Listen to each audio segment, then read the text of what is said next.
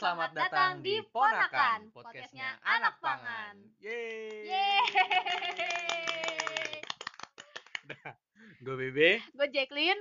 Kita berdua adalah mahasiswa Ilmu dan Teknologi Pangan Universitas Udayana angkatan 2017 yang dipercaya sebagai anchor untuk bawain podcast ini.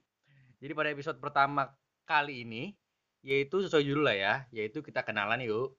Nah, dari apa yang gue tahu nih, Ponakan itu adalah salah satu proker dari himpunan yang ada di program studi Ilmu dan Teknologi Pangan Universitas Udayana.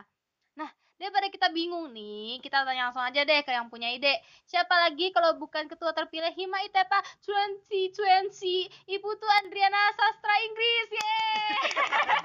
Adriana oh, maaf, maaf. Mungkin boleh diperkenalkan diri dulu nih, Pak. Halo. Halo. Baik, jadi perkenalkan aku Ibu Tuan Andriana Sastrawan, bisa dipanggil Andrew White. Hey, Hey. oke Kak Andrew. Hampir tadi. Nah, aku biasa dipanggil Andre atau Sastra juga boleh. Baik Kak Sastra. Aku dari ITP 17. Hmm. Jadi kenapa milih podcast itu? Bisa jelasin Andre? Jadi awal-awalnya dulu aku emang suka dengar podcast pas awal naik tahun 2017.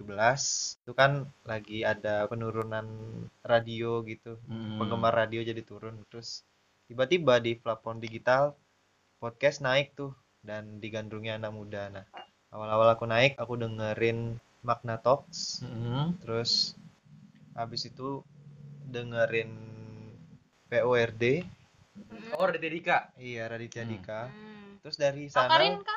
Asik juga ya Bentar, bentar apa?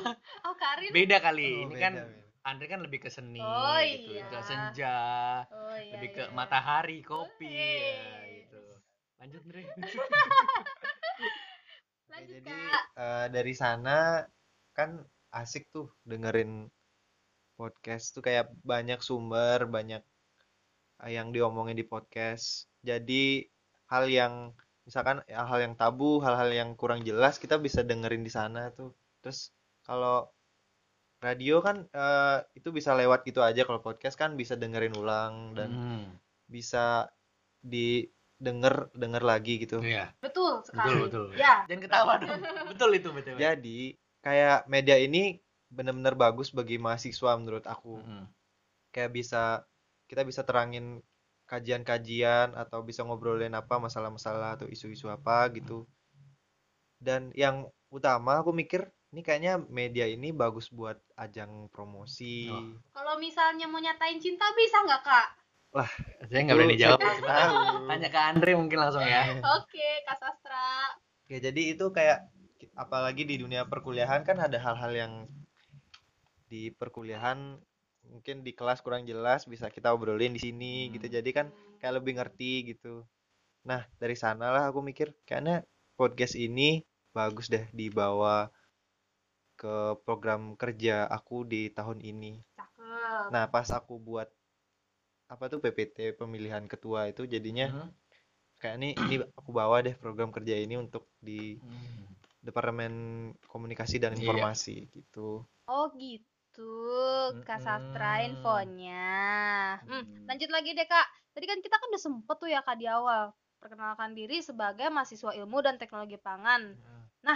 Kayak kita perlu tahu deh Kak, ini ngenalin program studi kita yang ini yang the best banget ini loh. Nah, bener banget, Jack. Mumpung ada ketuanya nih, langsung aja nih. Gimana sih perspektif lu, Andre, eh, pandangan lu soal eh, mahasiswa ilmu dan teknologi pangan ini sendiri? Apa aja sih yang dipelajarin?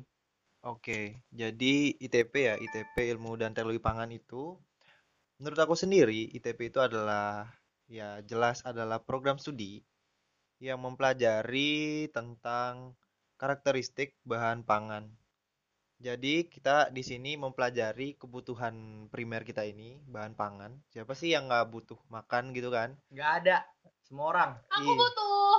Iya, semua orang butuh pangan. Nah, Jadi di sini kita mempelajari mulai dari karakteristiknya, terus penanganannya, terus ada analisis kimia juga dan pengolahan terutamanya.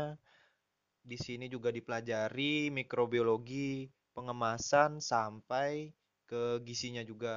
Jadi itu emang dari pasca panen dari hasil pertanian itu mulai sampai diolah, dianalisis, em, misalkan analisis mikrobiologi juga sampai teknologi pengembangan bahan pangan sampai masuk ke dalam tubuh kita dipelajari juga gizinya sampai keluar mungkin ada yang toksikologi juga ada racun juga Hmm. dipelajari di sini jadi setidaknya itulah kurang lebihnya program studi ini adalah ilmu yang mempelajari tentang pangan seperti Oke. itu.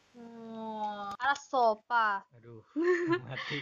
Nah, tapi sebenarnya aku agak kurang ngerti sih, Kak. Apa sih yang ngebedain program ilmu studi di Bali ini di TP kita ini sama di universitas lain? Oke, jadi di Bali sama yang di universitas lain kayak di mungkin ya. Jadi kalau di Bali ini di Universitas Udayana mungkin bedanya itu kita di Bali lebih erat dengan adat Bali dan tradisional Bali. Ada sih yang membedakan jurusan ITP kita dibanding kota-kota lain yaitu uh, mata kuliah pangan tradisional Bali itu jadi kita mempelajari aneka makanan dan jajanan tradisional dari Bali dan dianalisis juga bagaimana makanan tersebut gitu. Nah, gue sebenarnya ada pertanyaan pribadi nih dari gue sendiri. Sempat mikir tuh eh, S1 gue ini mau dibawa ke mana sih kerjanya? Lu sempat mikir gak Iya. sih, Jack? Sempet gila kayak aduh, masa gue mau lari ke yang bukan i bidang ilmu gue sih. Eh, mungkin dari Andre ada saran? Kalau menurut aku sih sebenarnya aku juga udah planning tapi belum tahu Mm-mm. apakah bisa nanti sampai di sana kan. Di sana lah. Kita pasti sampai lah gitu. Amin. Iya, jadi setelah S1 kita mau jadi apa gitu pertanyaannya kan?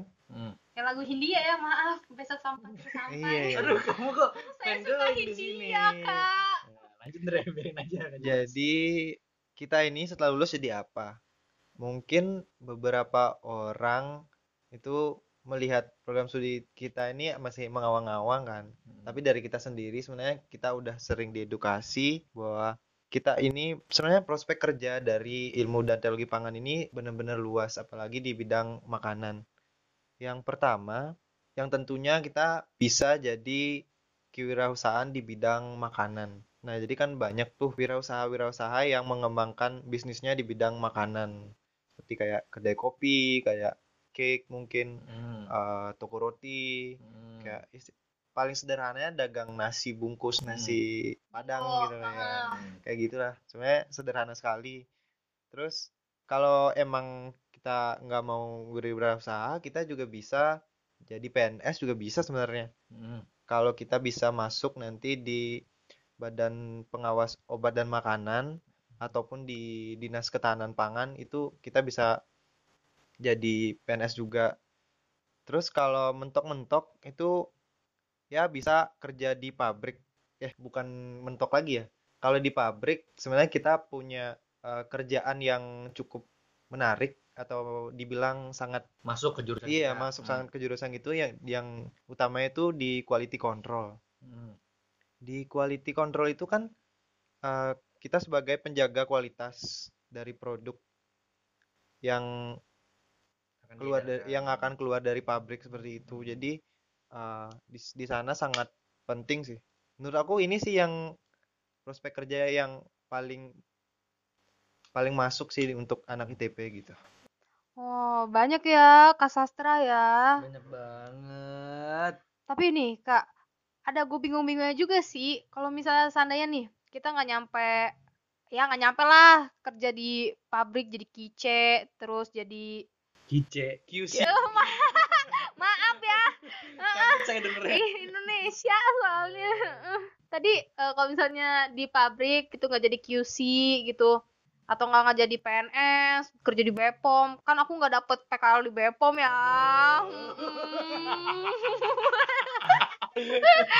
aku nggak dapet di Bepom PKL-nya, jadi kayak agak bingung gitu ke depannya mau kerja di Bepom nggak bisa. Nah, itu menurut kakak ada nggak ya cadangan lainnya gitu?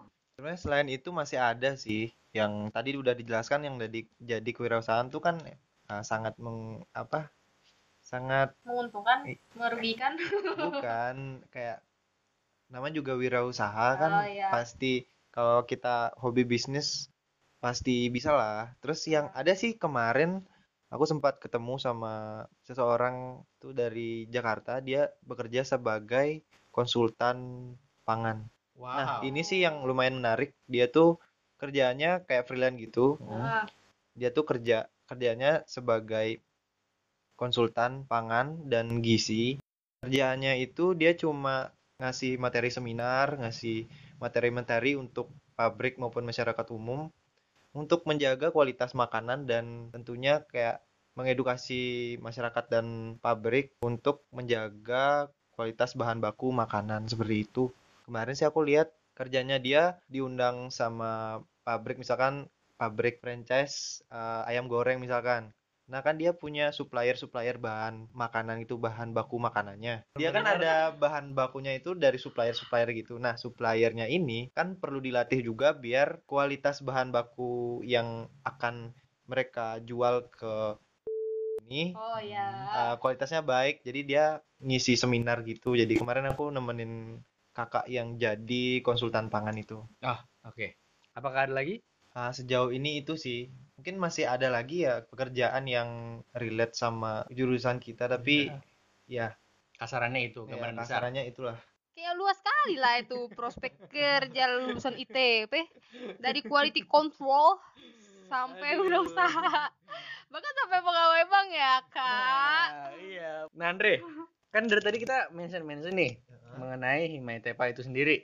Kan lu ketuanya. Bisa nggak dijelasin secara kasar aja mengenai apa itu Himai Tepa? Himai ITEPA itu adalah singkatan dari Himpunan Mahasiswa Ilmu dan Teknologi Pangan. Jadi, organisasi ini adalah organisasi di tingkat program studi. Jadi, Himai ITEPA ini adalah organisasi yang mewadahi semua kegiatan kemahasiswaan di tingkat program studi kita Ilmu dan Teknologi Pangan. Mungkin eh, aku mau cerita soal kabinet deh ya. Hmm, boleh langsung. Ya, adapun kabinet yang aku usung di periode ini yang disebut berdikari. apa sih kak berdikari itu Hmm, Berdikari itu kepanjangannya bersama dedikasi kreatif dalam berinovasi. Jadi itu visinya. Nah, Oh. adapun sih misi dari berdikari ini, sebenarnya aku kak nggak nggak hafal semuanya sih, tapi aku Oh. jelasin poin-poinnya aja paling ya. tapi Maklum. lucu ya kak namanya berdikari kayak bird aneh banget, aneh banget. Aneh, aneh. maaf ya Mungkin Jayu sambil eh, Andre Andre Mikir lagi dulu oh, nih. dia lagi mengingat-ingat mikir. Gimana Andre udah mikir? Ada misiku seperti ini sih. Pertama mungkin di berdikari ini aku ingin membuat organisasi yang menjunjung tinggi loyalitas Eh, Nah, tentunya pada ITP Hmm. dan ya saling menghargailah antar mahasiswa dari internal Himatepa maupun eksternal Himatepa. Terus yang aku tekenin sih karya nyata ya. Karena kita ini mahasiswa ya, mungkin kita harus punya program kerja yang efektif dan bermanfaat luas sesuai kebutuhan mahasiswa yang kala ini atraktif dan berdedikasi tentunya. Setelah Oh. itu belum. Belum Udah ya? belum, belum selesai. saya saya Masih ada dua dua udah misi sabar lagi. gitu heeh. Ya, aku juga ingin mewadahi minat dan bakat dari mahasiswa ilmu dan teknologi pangan, uh, buat mereka kreatif, ke terhadap lingkungan juga, dan yang penting sekarang tuh kan beradaptasi di era digital, di zaman sekarang kan. Makanya aku buat podcast ini. Nah, untuk itu juga kita perlu membina organisasi yang komunikatif dan bisa bekerja sama ataupun berkolaborasi dengan pihak mana pun Mm. seperti itu sih.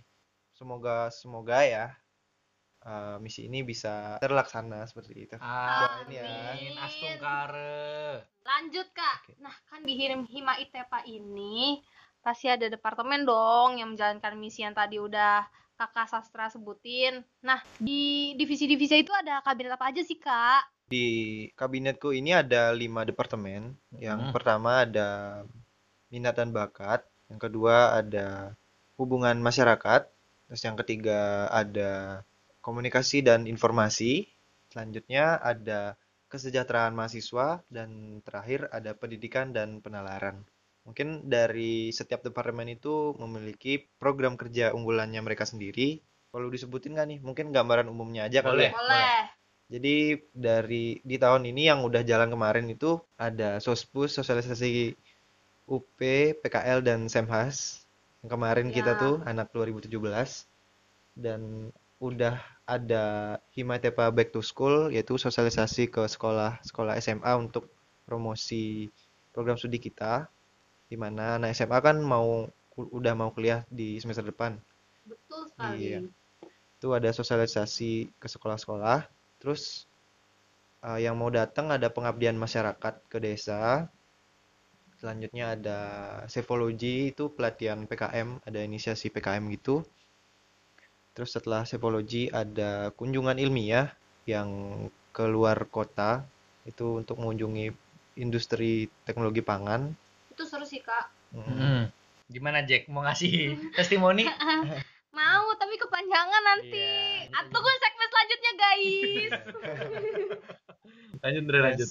Nah, setelah kunjungan ilmiah, kita ada hari susu. Itu kita ada bagi-bagi susu juga ke masyarakat. Susu. Hmm. Oh. Ada bagi-bagi jamu juga di hari jamu. Jamu. Biar apakah jamunya itu, Kak? Biar sehat dong. Oh iya, benar. Kirain biar kuat. Eh, eh, Kuat menjalani hidup. Betul. Pak. Pikiran saya tuh ke mana gitu kalau Lanjut. Terus em, setelah bagi-bagi jamu, kita ada program kerja Festival of Food Technology. Hmm. Nah, itu ada beberapa cara mungkin di sana kayak pelatihan produk kreatif dari uh, mahasiswa kita, mahasiswa baru, terus ada juga expo, ada yang utamanya di sana itu ada peringatan Hari Pangan Sedunia. Mm. Jadi Fast Food itu dalam rangka memperingati Hari Pangan Sedunia tanggal 16 Oktober Pokoknya? Iya. waktu itu siapa yang MC sih, Kak? Aduh, Oh, malu iya, banget. kan Oh, malu banget. uh, jadi Hari Pangan Sedunia itu sebenarnya kita pura-pura lupa ya tadi ya. Oh iya, pura-pura lupa Iya. aja. Enggak, aku inget tadi 16 Oktober. Oh, iya. Iya. Aku Jadi Hari aja Pangan. Sedunia itu di Aku 16 yang Oktober. minta maaf. Aduh, Maaf Jack. ya. kita ada kita ada orasi hari pangan gitu biasanya biasanya kita yang kemarin kita long march di Renon Ah, ya benar. Ya, nah itu dah itulah ya, pokoknya lah ya. Nah yang terakhir kita ada musim Maitepa ada musyawarah mahasiswa juga terus ada penentuan um, pemimpin baru Himatepa tahun depan gitu mungkin itu sih bayangannya kalau soal program kerja kita satu tahun ke depan Ih, penasaran banget sih, Kak. Pengen deh dengerin podcast selanjutnya nanti Aduh, ya. keren banget gregetan. Ih, keregetanku jadi keregetan. Oke, makasih ya, Kakak. Siapa tadi Kak namanya, Kak? Andrew White Nah, Oke, terus. makasih Kakak Andrew White Nah, untuk mengisi podcast kita Perdana. yang pertama. Ya, betul sekali. Oke, jadi kita udah cukup aja ya segini aja dulu ya karena kan masih ada podcast selanjutnya nih. Hmm. Jadi kalian tetap harus pantengin nih. Nah, selanjutnya Langsung aja untuk info lebih lanjut tentang program studi ilmu teknologi pangan atau Himaitepa bisa langsung cek ke Instagramnya di @himaitepaunut dan @aksi_himaitepa. Oke, itu aja dari gua BB. gue Jacqueline. Kita pamit undur diri, sampai jumpa di episode berikutnya. Bye.